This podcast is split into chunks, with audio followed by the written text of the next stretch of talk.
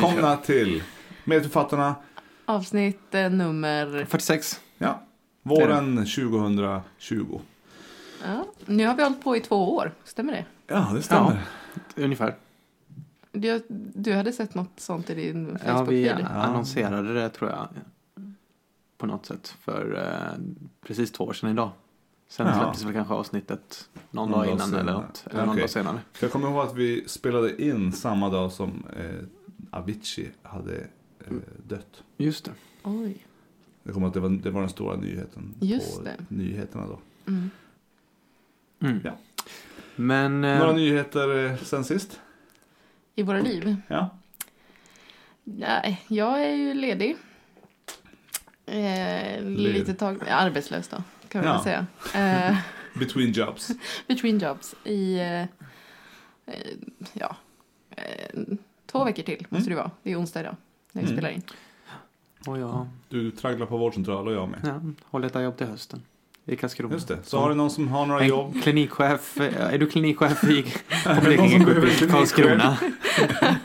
och Du siktar ändå högt. Ja, Du vill bli klinikchef direkt. ja precis. Glida in på den. Ja. Nej men någon klinikchef i Landskrona. Karlskrona. Karlskrona, förlåt. Nu, nu är det ju kört. Karlskrona. Karlskrona. Ja, Då har ni ett riktigt kap här i alla fall. Ja. Ja, det får, vi, Absolut. får vi se framöver i avsnittet. Ja. Vi drar igång va? ja, vi kör något gammalt, något nytt, något udda. Och våra namn är Joe, Fredrik? Miriam. nu kör vi. Aj.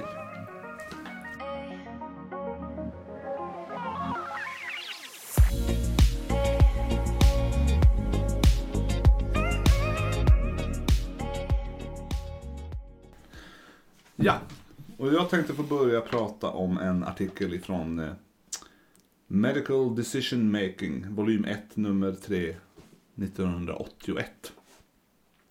Som är skriven av en man som heter eh, Robert M. Centor och hans eh, kollega mm, Dr. Witherspoon. Oj. John Witherspoon. John Witherspoon. Känner Ja. ni någon Witherspoon? Reese Witherspoon. Ja. Så då tänkte jag, undrar om det är ett vanligt namn. Så jag googlade på henne och så vad hennes pappa heter. Och han heter John Witherspoon och är Nej. läkare. Ja, Eh, han heter dock John D. Witherspoon. Okej, jobbar ja, John är ju ett väldigt vanligt namn i och Ja, för men sig. Witherspoon kanske inte är så vanligt. Nej. Men i alla fall, så det här är John M. Witherspoon. aha. Mm. Eh, Väldigt nära. Rees pappa är en öron näsa halsspecialist i Nashville. Ja. Alltså han har inte varit med och skrivit Nej. det här vad jag, vad jag förstår det. Inte Reese Witherspoons pappa. Men det hade varit kul. Det hade varit väldigt kul. Det var bara just en rolig grej att googla och se att han är läkare. Hennes mamma var också läkare i och för sig. Men hon heter ju inte John. Mhm. Annat. I alla fall, eh, Centor hette Mm. ju första författaren. Och Mm. eh, då vet folk som eh, har hört talas om, om eh, Centor-kriterierna att det kommer handla om halsont. Och artikelns namn är The Diagnosis of Strep Throat in Adults in the Emergency Room. Mm. Oj, men Den jag har nog inte tänkt att... eh, Att det ska vara in the emergency room. Nej, Och jag har nog inte tänkt att centorkriterierna var av en person som hette Centor. Jag har bara tänkt så här, åh, centralt. Ja, okej. Det- Nej, det är ju det är det är ju centor ändå. Ja, alltså med, med. O. Så det, Ja, ja. Centor-kriterierna. Och eh, tidskriften var Medical Decision Making. Ja, Det låter, det låter inte så high flying.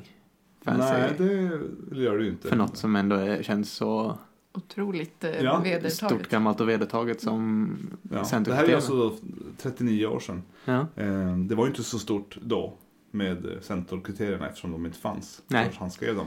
Mm, Eh, Såklart. Men i alla fall. eh, Ja, nej, jag har ingen aning om hur stor, stor den här studien. Eller Nej, men det, det är ju inte Lancet New England Nej, nej, nej. Medical Journal utan Nej. Medical Man Decision. har ju aldrig hört talas om den efter detta. liksom. Eh, I alla fall, de var då i ett emergency room, vilket låter lite fancy, eller lite så stort för att man ska ha ont i halsen. Men det, det, jag tror inte att, Det är inte akutrummet nej jag tänker. tror mer pratar om kanske nära akuten. Ja. Exakt. Mm. Eh, och hela grejen, anledningen till studien var då att de ville, de insåg att det var svårt att veta om en patient som kommer med halsont har grupp A-streptokocker eller om de har eh, virus tonsillit eller virusinfektion i halsen.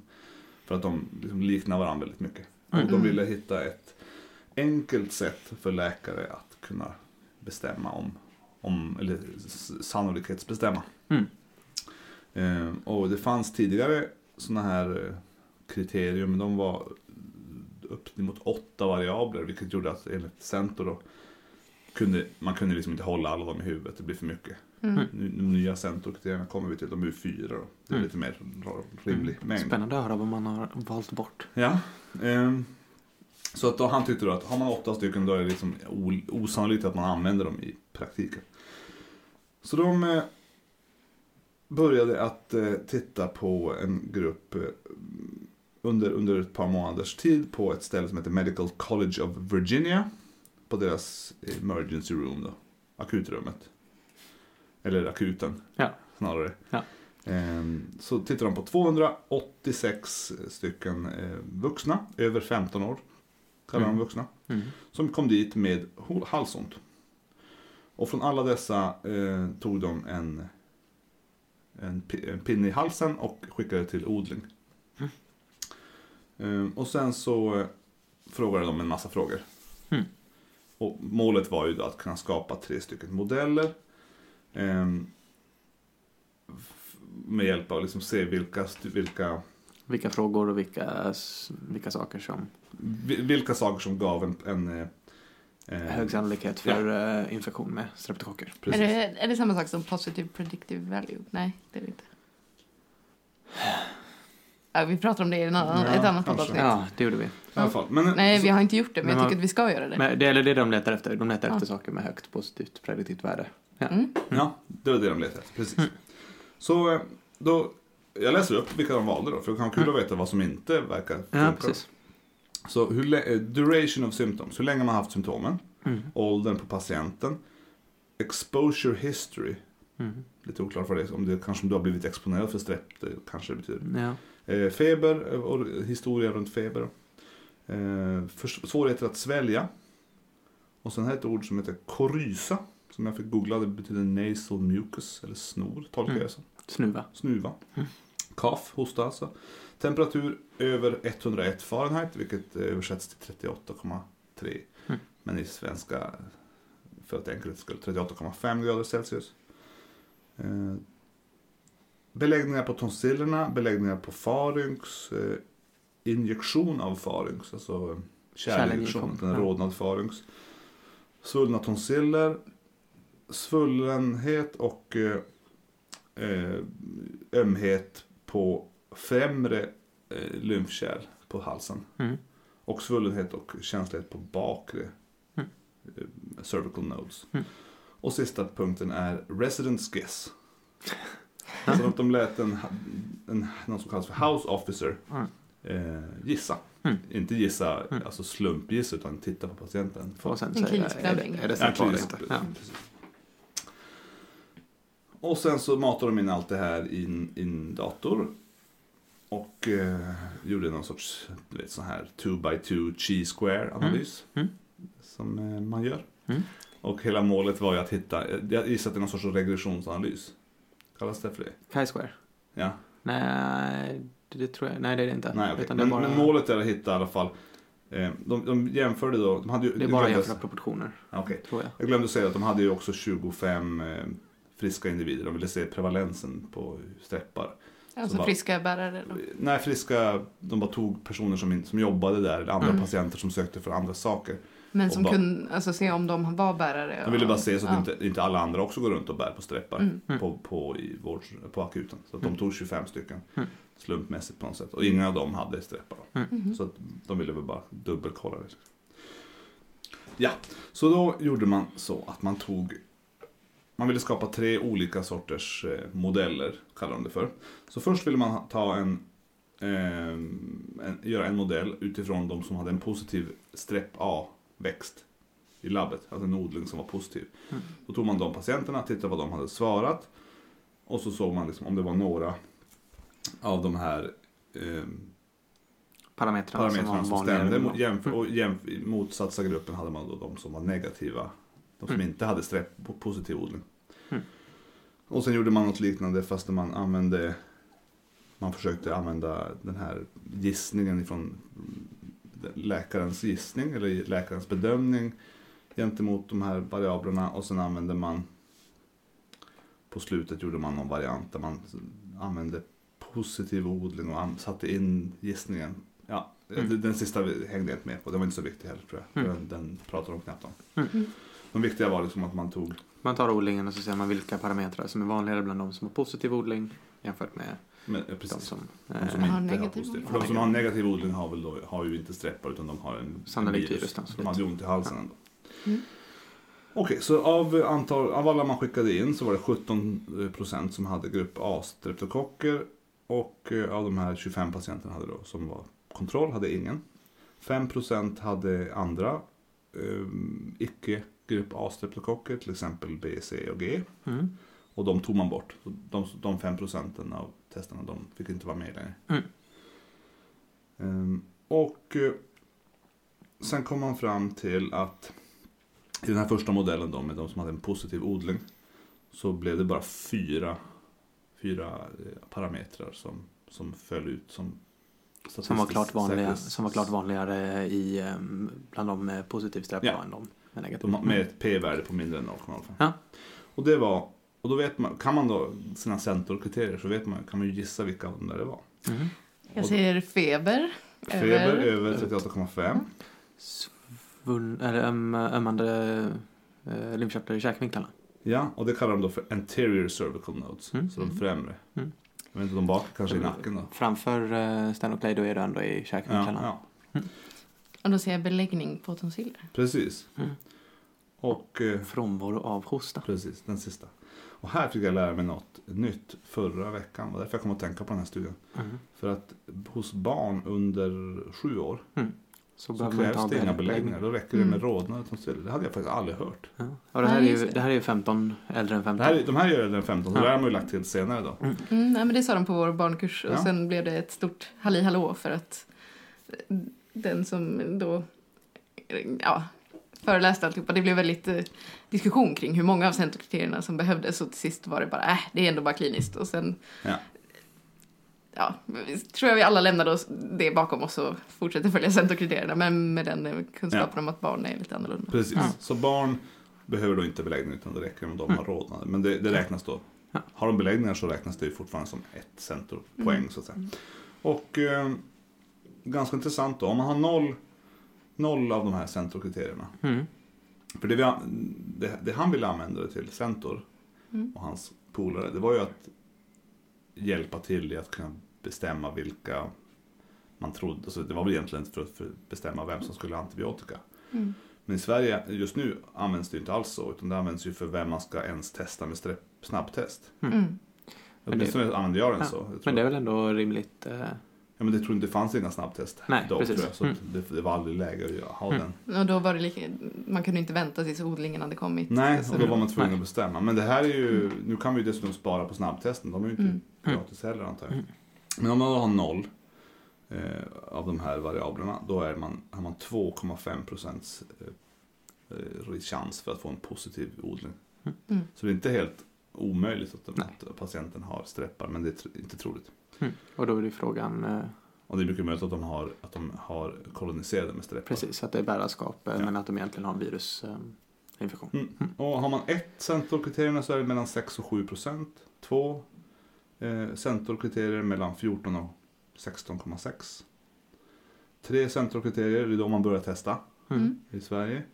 Då är man mellan 30 och 34 procent sannolikhet. Så det är fortfarande, Det är inte hundra. det borde bara vara tre av tio du testar Mm. som har Mm. eh, streppar. Och har man alla fyra, då är man 55,7 procent sannolikhet om man bär på strepp. Mm. Så det är ju fortfarande ganska långt ifrån. Men det var, de tyckte att med de fyra, att, att få att få lite bättre än att singla slant, Mm. tyckte de ändå var bra. Mm. Mm. Mm. Eh, att, men om vi skulle ge antibiotika till alla som har fyra centerkriterier så skulle vi ju ändå ge antibiotika till nästan hälften så många. Och det man ska känna till i bakgrunden där är väl att alltså, en, även om du har en strepp A-halsfluss så i nästan alla fall så läker den ju ut av sig själv. Det är bara att antibiotika förkortar eh, Mm. sjukdomsförloppet. Och kan väl minska risken för vissa komplikationer Men Om man behandlar. om man behandlar. Mm. Ja, och sen, så, sen gick de in på den här eh, andra modellen med resident guess och sånt. Men i och med att det är historia och det här är Centrumkriterierna är liksom Består. nutid, verkligen består. På ett annat sätt än vad han kanske, de kanske tänkte. Men Mm. det är ändå kul att se något som används. Jag använder det varje vecka i vårdcentralen. Mm. Utan, utan diskussion. Mm.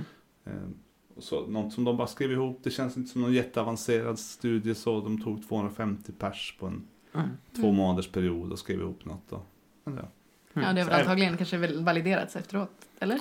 Det har det ju Ja. många, säkert Ja. massor. När man googlar Mm. på det så hittar man, eller kollar PubMed, finns det Ja. mycket som helst om Centor. Mm. Men det är ungefär som, vad heter det då? Tjocklek enligt Bress, Breslov. Ja. Mm, just det. Som vi pratade om, som också var en väldigt enkel, Mm. eh, enkel studie. Det, det, börjar, det, liksom, det kan börja ganska litet. Även lätt, eller enkel forskning kan bli väldigt stor Mm. på sikt. Mm. Mm. Så det tyckte jag var något gammalt eh, och Verkligen. trevligt som handlade om eh, något viktigt. Mm. Ja, verkligen. Absolut.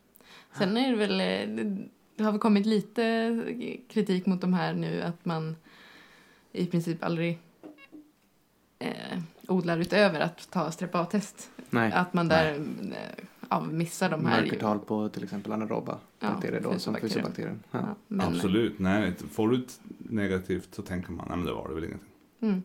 Men det är ju egentligen ganska, Men det är ju så otroligt Kan vara, ovanligt. ja, Så. kan ju vara lite falsk trygghet. Ja. Eh, så man ska väl kanske vara medveten om att det finns andra bakterier men det är det här som är Mm. så Ja. otroligt mycket vanligare än allt annat. Mm. Det var väl när jag var på Öron i Huddinge Mm. så de var väl kanske starkare i sin kritik men det är väl för att de har fått de fem Mm. fallen de senaste åren av precis de här svåra komplikationerna Mm. liksom. Det är ju verkligen inte många men nej. Mm. Nej. de som ser dem. Mm. Ja, Mm. Thank you. men det var det om det gamla. Om centorkriterierna. Ja. Mm. Vi, Kul. går, vid- vi går vidare till någonting nytt. Ja! Vad kan det bli?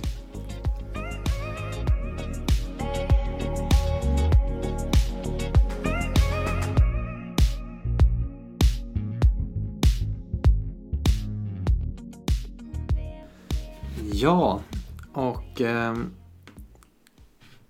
jag ehm, försökte att ehm, hitta någonting annat nytt att prata om. det sa jag förra gången, avsnittet också.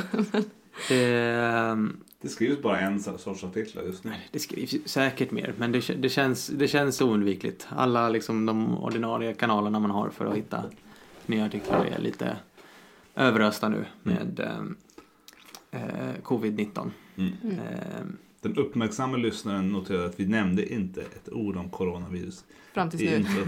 ja, av en, av, på grund av att vi är trötta på att det är det enda folk pratar om. ja, Men nu ska vi prata om det, ja, desto mer. Absolut. precis. Nu har vi en, eh, en liten period här där vi Corona special. ägnar oss bara åt det och sen så Kan man gå vidare? Ja. Ehm, Shoot. och det jag tänkte göra som Miriam uppmärksammade sist när hon pratade om eh, covid-19 så har det ju inte hunnit publiceras jättemycket. Mm. Men det börjar väl trilla in lite mer. Börjar trilla in eh, och sist pratade vi lite då om ehm, hur det ser ut kliniskt, eh, en del epidemiologi och eh, mortalitet Mm. och sådär. Och det var kanske det mest som trillade in. Ehm, men det jag tänker presentera idag det är ett svep från eh, clinicaltrials.gov, alltså den hemsida eh, där man kan läsa registrerade eh, kliniska studier Och och alla, andra studier. alla, skriver, alla signar upp sådär eller? Eh, inte alla, men det, det, det anses ju eh, Seriöst att göra det. och seriöst att göra det. Att att. Mm. skicka in sitt protokoll till clinicaltrials.gov som man hade förregistrerat Mm. så att man vet, så här såg protokollet ut från början så att när man väl publicerar artikeln så vet alla att man inte har ändrat eh, sitt utfallsmått eh, Just det. för att studien gick mycket bättre. Just det. Ja, Mm. Nej, men det är ju en rimlig, ja, en rimlig grej. Motverkar publication bias också tror jag lite. ja precis. man Att där kan man också se vilka som inte blev någon eh, publikation av. Att det. eh, det här finns 100 regis- registrerade kliniska studier på Just det. Vem är det som står bakom denna sajt? Det är um, National Institutes of Health i USA. Ja. Står bakom den. Mm. Bra. Eh, och där finns just nu, det fylls på hela tiden. Jag har kollat på det flera gånger nu under veckan. Och 50 när jag kollade på sidan första gången. Eh, och det tror jag var fem dagar sedan eller någonting. Nu är det Mm. 110 Oj. eh, registrerade eh, kliniska studier med taggen covid-19. Mm. Ehm, och det är ju en del studier som är registrerade här också som handlar om eh, epidemiologi, hur det ser ut eh, och eh, hur, det går för de som ehm, har haft covid-19. Men jag kommer fokusera idag på andra änden på behandlingsstudier Mm. och är bra. tänkte svepa igenom ett, en del av de kliniska studierna som Och det här är alltså ett svep av vad de tänker göra. Det finns, det finns inga, du har ingen data på vad som har kommit Ingen fram? data, utan Nej. jag tänker bara sve- svepa Mm. igenom är lite kliniska, stu- kliniska studier som nu rekryterar. Okej. Ehm, och eh, det är ingen särskild ordning på det här så det kan verka som att eh, Du bara hittar på. och vi ska se. Då börjar vi med ehm, några studier. Det finns eh, några stycken som ehm, testar stamceller såklart. Ja, såklart. Finns det ett, ett tappert gäng. De är Eh, kvar i- på 00-talet. Mm. Ja. Eh, bland annat då i Kina där det finns en pilotstudie där man ska inhalera mesenkymala stamceller. Det här är alltså då om man har fått en pneumoni kan man ju tänka Om man har en svår eh, lunginflammation Ja. med positiv covid-19. Mm. Okej. Eh, tanken bakom det är att experimentella studier har visat att mesenkymala stamceller och exosomerna från mesenkymala stamcellerna De ja. kan någon, Oj, kan någon Det svara känner jag på. igen. Vad, berätta nu vad en exosom är. Det- Det är någon slags vesikel fylld med proteiner och RNA som knoppar av från en cell. Mm. Just det. Eh, Är det den när viruset ska gå vidare? Och- jobba? vet ej. Jag tror det, för att den, den tar, viruset går in, tar över cellen, får cellen att producera mer av sig självt eh, och sen så har den också ett sätt att få cellen att vesikla ut. Mm, men Eh, jag, jag vet inte om, gör, men gör inte cellen det i vanliga fall också? Eftersom man ska behandla med exosomerna här. Från Mm. mesenkymala stamceller. Absolut, det är sant. Mm. Ja men jo, alla celler kan väl spotta ut saker. Ja.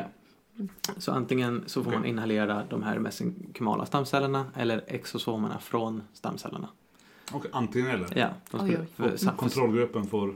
Ehm, kontrollgruppen där Ja. får eh, vanlig, vanlig behandling tror jag det var. Och då, det skulle de testa på 30 patienter och det är i Wuhan. Det är mycket, många av studierna är, ja, förstå, Mm. förstå, kan man ju förstå är från, är från Kina. Ja, visst.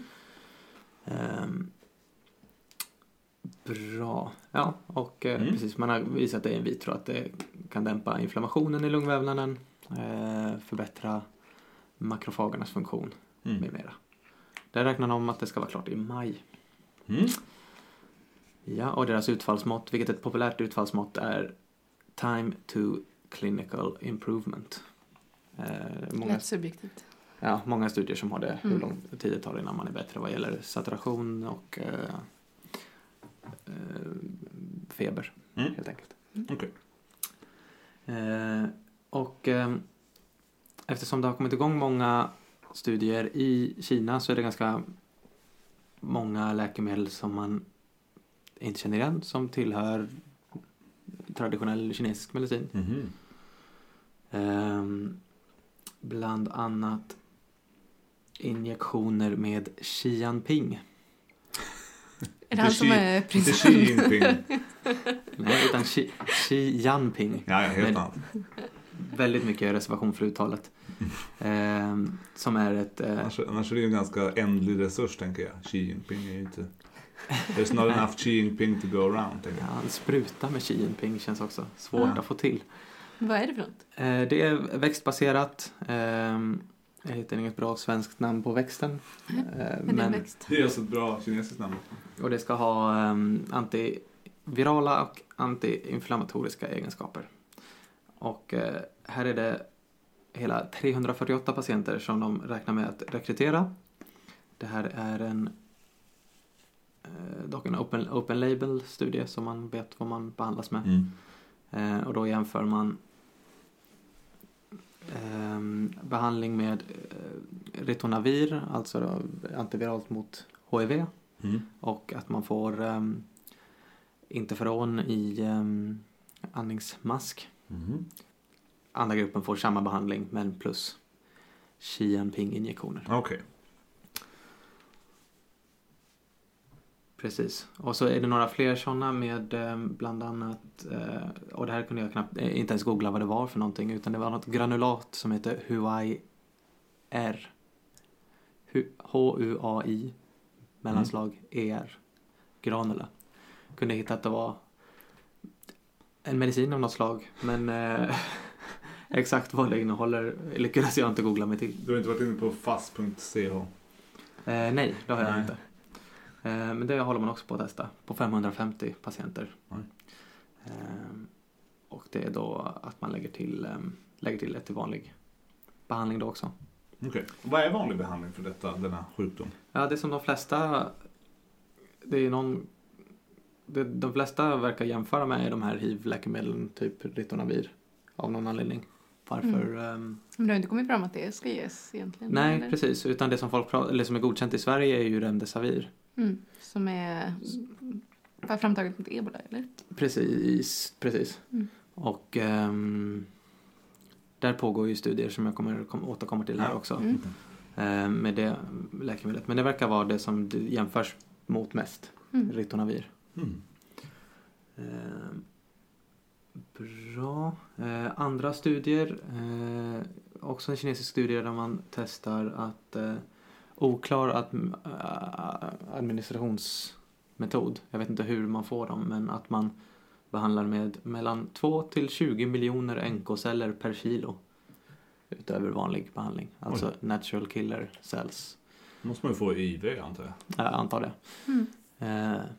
Men det var också en studie som pågick på 30 Mm. deltagare då. Så snacka om att boosta immunförsvaret i så fall. Ja, Det, då ger man ju faktiskt, tillför man ju immunförsvaret. till, ja, det ger man ju verkligen immunförsvar. men jag vet inte var NK-cellerna Nej, kommer ifrån riktigt eller eh, om man får, riskerar att få någon eh, re, reaktionsreaktion Ja. om det är någon Mm. Men annan en sån här NK-cell CAR eller- T-behandling som vi pratade om för jättelänge sedan när man Mm. tog ut egna Mm. T-celler Mm.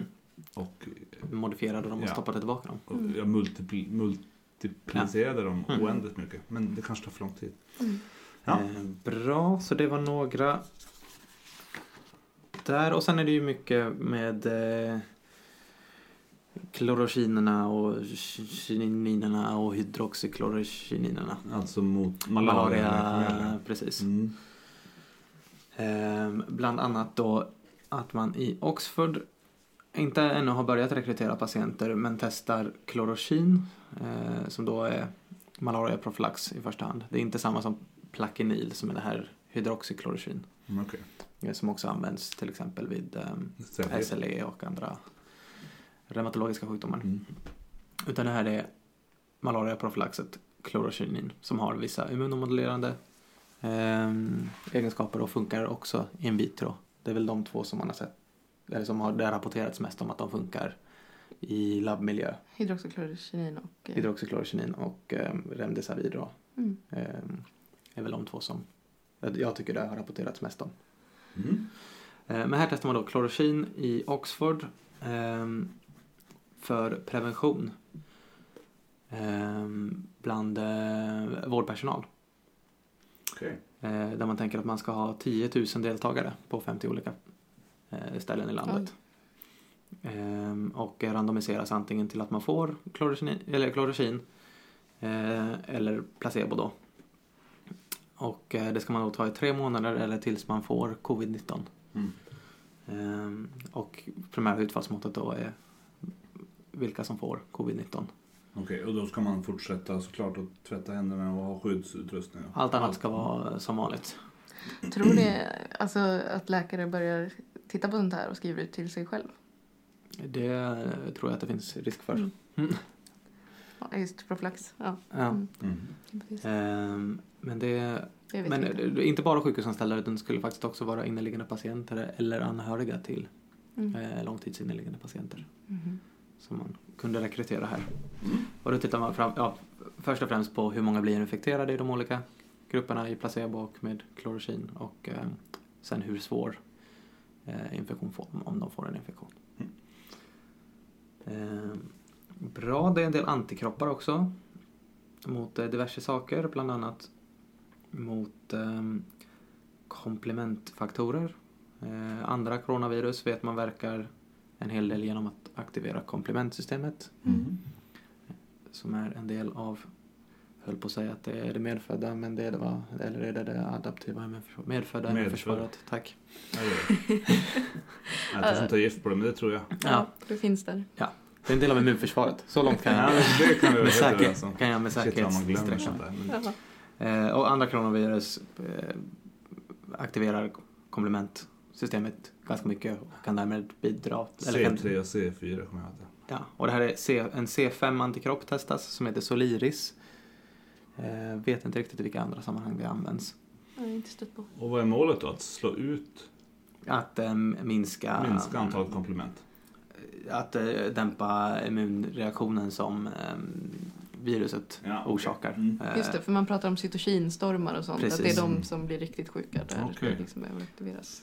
Kortison känns ju då som att man skulle kunna prova. Ja, men det har inte visat någon riktig... Nej. nej, Det det, avråder man från i det nuläget. pågår också Mm. eh, en Det studie om man eh, kortison. det. Mm. Eh, och precis, det Verkar inte ha funkat så bra. Av det, de första data man har hittat i alla fall. Precis, och det, de har ingen väldigt, eh, ingen jättedetaljerad eh, om vilka som ska få eh, Soliris eh, på clinicaltrials.gov faktiskt. Eh, och den studien, den studien är dock igång Mm. på Hudson Medical. Mm. Eh, testas även med eh, i Kina igen då i eh, Shandong. Med, och det här har vi pratat om, ni får gärna påminna mig när vi har pratat om det. Bevakizumab som är anti-VEGF, alltså kärl, Ja, just det. angiogenes. Ja, men det var ju det här Ja, syravsnittet där vi pratade om Barber-effekten, eller? Ja, just det. Och Var det eh, det? eh, Nobelpriset där, Just det, det Mm. var det nog. eller? Då vi pratade, ja, kanske. Mm. Kanske. Eh, och det ska man också testa då. Ehm, Varför skulle det funka? Ja, det har gjorts en liten studie med um, 11 patienter med svår, um, svår lunginflammation med eh, covid-19 Mhm. Eh, med Bevakizumab som eh, det var inga klara adverse reactions. Men jag vet faktiskt inte vad tanken Mm. är med, um, men jag antar att det kommer gälla svår, svår lunginflammation. Är det något med hypoxi kanske? Jag säkert? tänker att det är Ja, när man har svår på, ARDS eh, och att man eh, sjuntar eh, rätt eller fel i Ja. lungan eller något. Så. Ja. Ungefär så tänker jag. Och så går vi vidare. Ja. Ehm, och eh, ja, men vi kan ta det sånt där med lungfysiologi. Så görs det också en studie, mm, också Kina då, en pilotstudie på endast 10 patienter med sildenafil Mm. på 10 patienter. Also known as. Alltså Viagra. Just det. det brukar man använda för portal hypertension. Nej, Nej, förlåt. pulmonell eh, hypertension. pulmonell hypertension. Och jag tänker att det är mer det man vill åt i det här Mm. sammanhanget. Ehm, Att det ska dilatera kärl i... På något sätt, det är ju någon eh, fosfodiesteras 5 hämmare. Mm. Och det finns väl något, det, det är fosfodiesteras. det gör någonting med lungcirkulationen som i sin Ja. tur kan göra någonting åt trycket, Ja, tryckförhållandena. jag har aldrig gett det till någon som har, jag har bara gett det till patienter som vill ha andra, andra effekter. Mm. Ja. Alltså erektion, inte Mm. något i lungorna. Ehm, men så den studien finns också. Mm. Eh, vi ska se vad vi har mer här. Sen har vi ju då um, Remdesivir där det både pågår fas 2 och 3-studier. Eh, Så där har man kommit och verkligen testat på Det människor. var det här ebola-viruset, eh, ebola precis, så där, läkemedlet Där har man inte ju kommit bra mot ebola. precis, så var det va. Ehm, men där pågår vad jag kan säga både fas 2 och fas 3. Ja. Eh, så jag tror att fas 2 Jag vill avsluta det. är väl avslutad någonstans ja. Men vad, vad är det för verkningsmekanism där? På Remdesivir Ja. Ehm, det är en nukleotidanalog som massa andra antivirala. Att den förstör DNA. Den Eller lägger ja, sig i DNA. DNA. Eller, Eller eller, RNA. RNA. Idag Ja. blir det ju I det RNA. här fallet blir det ju RNA då. Ja. Eftersom det är ett RNA-virus. Så Ja, den stoppar Men- den kedjebildningen på något säsätt. Genom att lägga sig, sig själv istället för en... Precis, den ser, väl, den ser väl likadan ut som eh, det. nukleotiderna. Det vissa. Och en av studierna där som pågår i USA. Ehm, testar då Remdesivir mot placebo i en fas 2-studie. Eh, 394 eh, deltagare. Där man då ska eh, titta med utfallsmåttet eh, en sjupoängsskala mellan 1 och 7. Där 1 är död och 7 är att man är helt frisk. Mm. Och så allt däremellan. Om man är på ECMO eller om man är på om man behöver syrgas. Just det. eh, Så efter ett fast i tidsintervall. Efter eh, 15 dagar. Okej. Eh, Så den pågår och, och så är det då även en eh, fas 3-studie då på Remdesivir med 400 deltagare. Ehm, Och fas 3 då börjar man testa på en större grupp människor. Ja, Just det. Precis. Det är- Sen var de ungefär lika stora grupper, fas 2 och fas 3-studien här. Men ehm, ja, så jag förstår inte helt. Men, Men ibland ehm, bakar man väl ihop dem också när det ska gå snabbt. Mm. Och den eh, räknar man med ska vara klar i maj till och med. Fas 3-studien. Mm.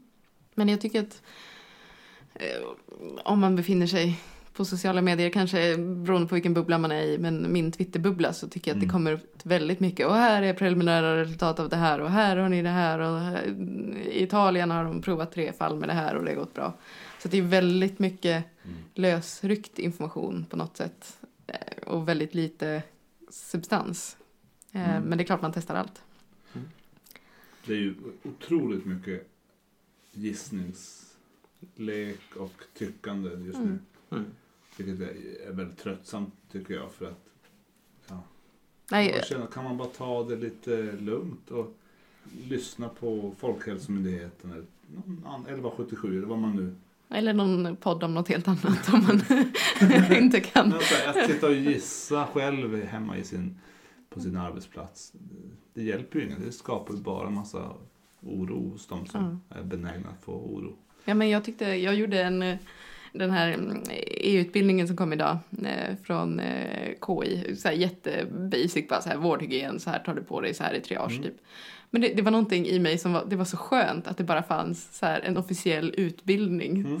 där någon pratar om, så här gör Mm. man. Alltså, ja, jag gjorde samma fast på Region Skåne. Då, när Det är var. något sånt- Så här tar man på sig för att Mm. träffa en influensapatient eller eh, Mm. i det här fallet en coronapatient. Det är, Mm. samma. mm, det är ju inget nytt det här. Det här är ju ett vanligt, det är inte något nytt. Det är ett nytt virus. Exakt just den här virustypen är ny. mm. Men handläggande. Men Mm. i sjukvården så behandlar man ju det som, som en influensa. Mm. Till exempel. Ja, övriga, några fler studier? Ja, vi Ja, kör vidare. Ja. Vi var, Eh, mm, Folk får väl snabbspola fram Ja. här. Plakanil kör ju också på, eh, alltså hydroxyklorokin. Mm. Eh, som vi nämnde innan. Det finns en studie i Shanghai med, eh, som planerar att ta med 30 patienter. Som då tittar på mortalitet och eh, ifall man blir av med viruset efter 14 dagar. Mm. Om man har eh, lunginflammation med covid-19. Mm. Eh, fanns en som var spännande där det var en som, he, som hette Various Combination of Protease Inhibitors Oseltamivir, Favipiravir and Chloroquine for Treatment of Covid-19. Eh, där det bara är... alla som har fått. ja, men det låter bara som att man ska... Vi kastar. Allt antiviralt man har. Ja. Eh, men det var i olika kombinationer då. Att Mm. det, det var en komplicerad studie. Att det Patienten massa, får gapa och vi kastar. massa olika grupper. Den här får då Tamiflu och Chloroquine. Den här får Nej. Ja, Alltså just så. det. Ja, ja, men det är bra. alla kombinationerna. Eh, pågår i Bangkok och ska ta med 80 patienter. Eh, talidomid, Mm. alltså eh, Neurosedyn. Ja, Neurosedyn. just Ja, Pågår det också en eh, fas 2-studie, en mindre fas 2-studie. Nu är vi också inne på kärlen här. Ja. Ja, det är något 100 patienter. som vi har missat där då, som är viktigt då. Mm. Och eh, talidomid, ja precis, det har ju också kärl, eh, motverkar kärlnybildning, motverkar också fibros. Ja, just Eh, och är lite infl- antiinflammatoriskt i sig också. Mm. Ehm, så Det där, vore ju har intressant. ett Den vi få en revival. mm. Den är väl ganska bespottad får man säga. Ja, vi hade ju en, eh, när vi pratade om den i podden så hade vi en annan. Det, det var i, var det kronisk lymfatisk leukemi eller någonting. Mm. Eller något lymfom som det ändå användes. Mm. Och för morbus Osler, eller vad heter det? När man Osler får Reberendu. he- Ja. angioktasier överallt. Losartan, eh, det har pratats mycket om. Mhm. Eh, ACE. Ehm, Just det. Också lugn. Som eh, i alla fall det, det äldre SARS-viruset eh, hade något slags, någon slags affinitet för, AC-receptorn. för AC-receptorn, ja precis. AC2. Mm. Och då blockar man den. och, men Losartan är ju en angiotensin-receptorblockerare. Och vad jag förstår så, med det, i alla fall med det gamla SARS-viruset så var det så att mycket av eh, lungskadorna medierades av angiotensin. Så det är väl, Mm. tänker jag, det som är Mhm. tanken bakom Losartan som en angiotensin-receptorblockerare. Men, Mm. ja. Ja, men för där vet jag att EEC, alltså Europeiska kardiologgänget, gick ut och sa, för att eh, om det nämns liksom att folk blir oroliga ska man verkligen fortsätta med sin behandling av, med ACE-hämmare eller ARB. Mm. Och där gick de bara ut och sa att jo, det finns inget som tyder på att det är skadligt och det är bättre att ha ett välbehandlat blodtryck Mm. om man väl blir sjuk. I princip. Ja. Det var väl det de sa. Och så finns det då också några vaccinstudier igång. Mm. Eh, I eh, Kina finns det en och i ehm, eh, av de som jag har hittat här, en i Kina, ja, två i Kina till och med. Ehm, med tidiga, som testar säkerheten då Mm. eh, för framtagna vaccin. Ehm, och så klart finns det också studier om vitamin C. Eh, Det finns en stark vitamin C-lobby tror jag som Kör på. försöker pressa in det. eh, som Men det är ju en klassisk annars att folk tänker att förkyl, det hjälper mot förkylning så Mm. klart det måste hjälpa mot det här. Och ehm, såklart finns det en app. En App, ja. för, För, eh, det här, för diagnos av ehm, eh, covid-19. Att en, att, ja, en Ska man kunna få en diagnos? frå, frågor och en ehm, algoritm som ska Mm. kunna riskstratifiera hur hög risk har du för ehm, covid-19. Eh, I Kina finns det och också finns det då en, ja, en pågående studie med en AI, ehm, ja, någon slags, någon slags AI, vilken sort vet jag inte. Men hur ska, man som kunna, hur ska man kunna diffa det mot en, ett rinovirus? Eller? Mm. Men AI eh, handlar om eh, röntgenbilder. Mm. Ja, ja. Eh, om Men man jag ska- tänkte appen, svara på frågor. Har du ont i halsen? Ja. Ja. Stanna hemma. Bra app. Kan, kan, bara vara kan bara vara det den säger. Ja, i så fall är det ju bra. Mm. Om man nu behöver hjälp med det i en app. Ja. Ja, så det var väl ungefär eh, det jag fick Så det med mig av att svepa igenom. 100-talet alltså, det är ganska... Och det har ökat, det har dubblerats antal eh, studier sen i alla fall förra veckan någon, någon gång. Tror du man, att det är lätt att få anslag? Om man, om man bara har med covid-19 i sitt... Eh, Absolut. det känns som att det finns en del pengar att Mm. ansöka om. Men vaccin, det var något som testades i Kanada också. Stod det, och så var det någon rubrik att här på Sahlgrenska var det första svensken som fick prova ett vaccin också. Men eh, Mm. det, man vet väl Eftersom de Media. inte säger mer så säger de ju knappast om det är effektivt eller om det är säkert. Nej, jag känner att ibland, det är inte alltid som media kanske förstår exakt vad vad man gör. ett vaccin, kanske, inte, kanske som sagt Ja. bara testar säkerheten i en, en molekyl i det här vaccinet. Det behöver inte alls Mm. vara så att säga, Mm. Hela. slutprodukten.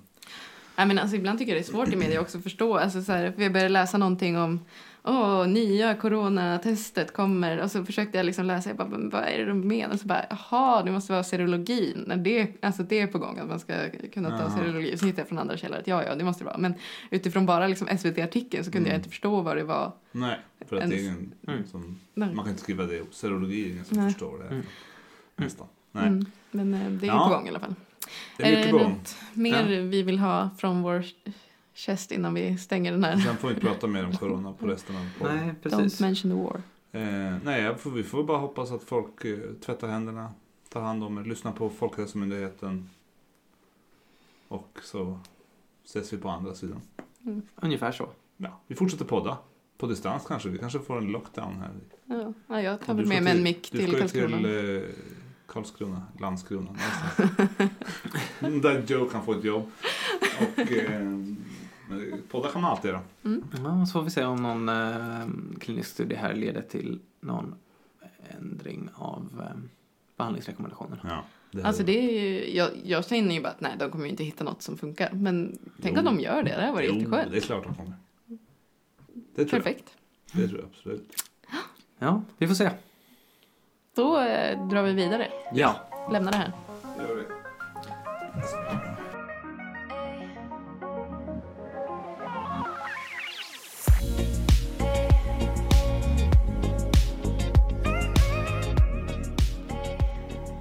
Då ska vi ta och eh, transportera oss till Lesotho. Faktiskt eh, på 80-talet. Jag skulle gissa 86-87 någonting. Det här är en... För att artikeln är då publicerad 1988 i British Journal of Obstetrics and eh, Gynecology. Ändå Mhm. eh, mycket respektabel. Ja, verkligen.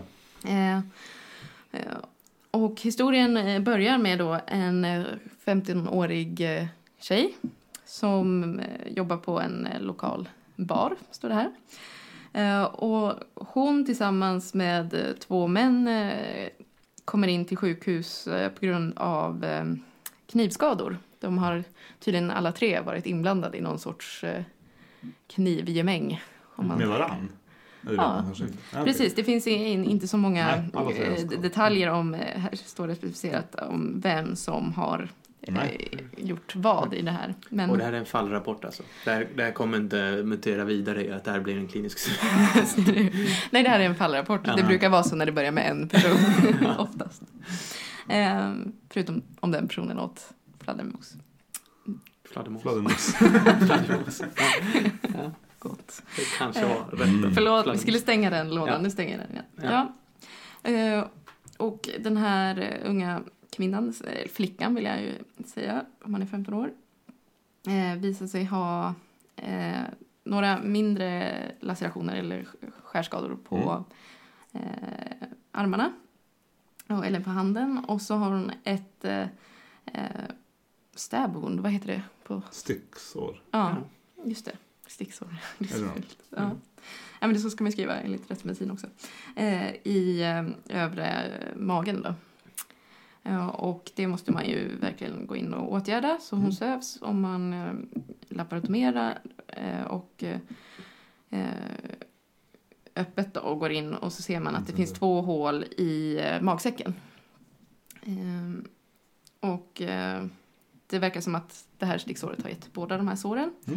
Mm. Och man reparerar det i två lager. Man noterar att magsäcken var helt tom. Det var inte ens så mycket magsyra där. Mm. Så man syr ihop, man spolar runt lite i eh, eh, bukhålan och sen och suger upp det och sen stänger man igen. Och hon blev mycket, liksom, återhämtade sig bra och gick hem Mm. efter tio dagar. Bra, bra, bra fallrapport. Ja, det är verkligen... Tack så mycket. Då, Ja, jag undrar vart jag ska Nej, gå. då spolar Det vi fram det eh, var inte exakt eh, 278 dagar. När patienten kommer in igen med akut intermittent eh, buksmärta. Jaha. Eh, och då tänker man kanske, jaha, Höggravid. är det ilius eller är det Nej, stensmärtor? det, så tänker men, man. eh, Om men det visar då en eh, ganska långt gången graviditet. Eh, med ett eh, foster med huvudet ner mot cervix och liksom eh, kontraktioner i eh, livmodern. Så att det är alltså en eh, förlossning på gång här. Eh, saken var dock den att när man inspekterade eh, vulvaområdet så fanns det bara a shallow skin dimple eh, present below the external urethral me- meatus. Mhm, ja, det är ingen vagina. Nej, det var bara en, en liten inden. en blind vagina, som Ja. det kallas när det slutar. Precis, det fanns. Det är, det, Men eh, det Det är här, bara ja. Ja. Så då var man ju, ja vad gör man då? Jo man eh, kejsarsnittar ju akut helt plötsligt såklart. ja, det blir svårt annars. Ja. ja. Eh, och en eh, liten pojke föddes som vägde eh, 2800 gram. Döptes till Jesus. Ja, precis. Apgar score av 7 och 9 vid eh, en och fem minuter. Så liksom frisk. Ja, frisk. Mm. Eh, och då, men när man hade buken öppen då så tittade man och så såg man att eh, eh, genom cervix då, alltså ner inifrån livmodern i Mm. cervix så fanns det bara liksom en två centimeter vagina som slutade sen.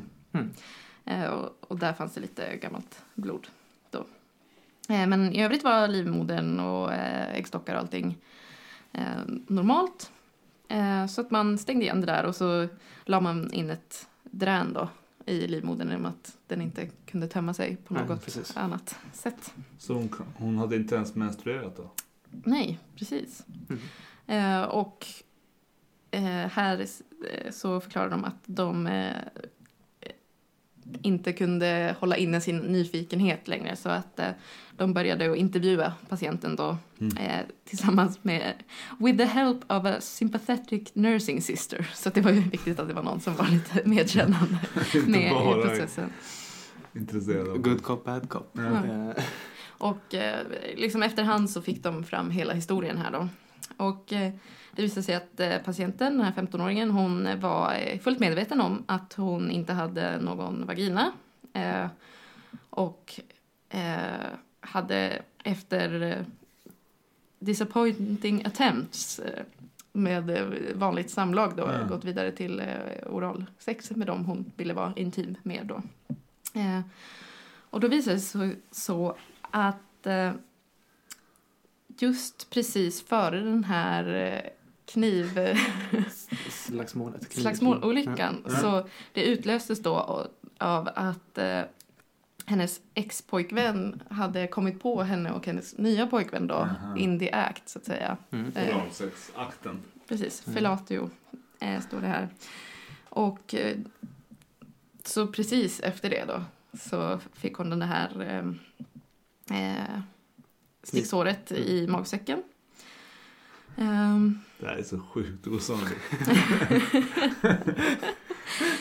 Eh, och eh, hon hade väl liksom ehm, tänkt lite på att hon hade blivit lite större om magen men liksom tänkt att det är ju helt omöjligt att jag är gravid i alla fall. Men Mm. hon hade väl känt lite smärta i nedre magen.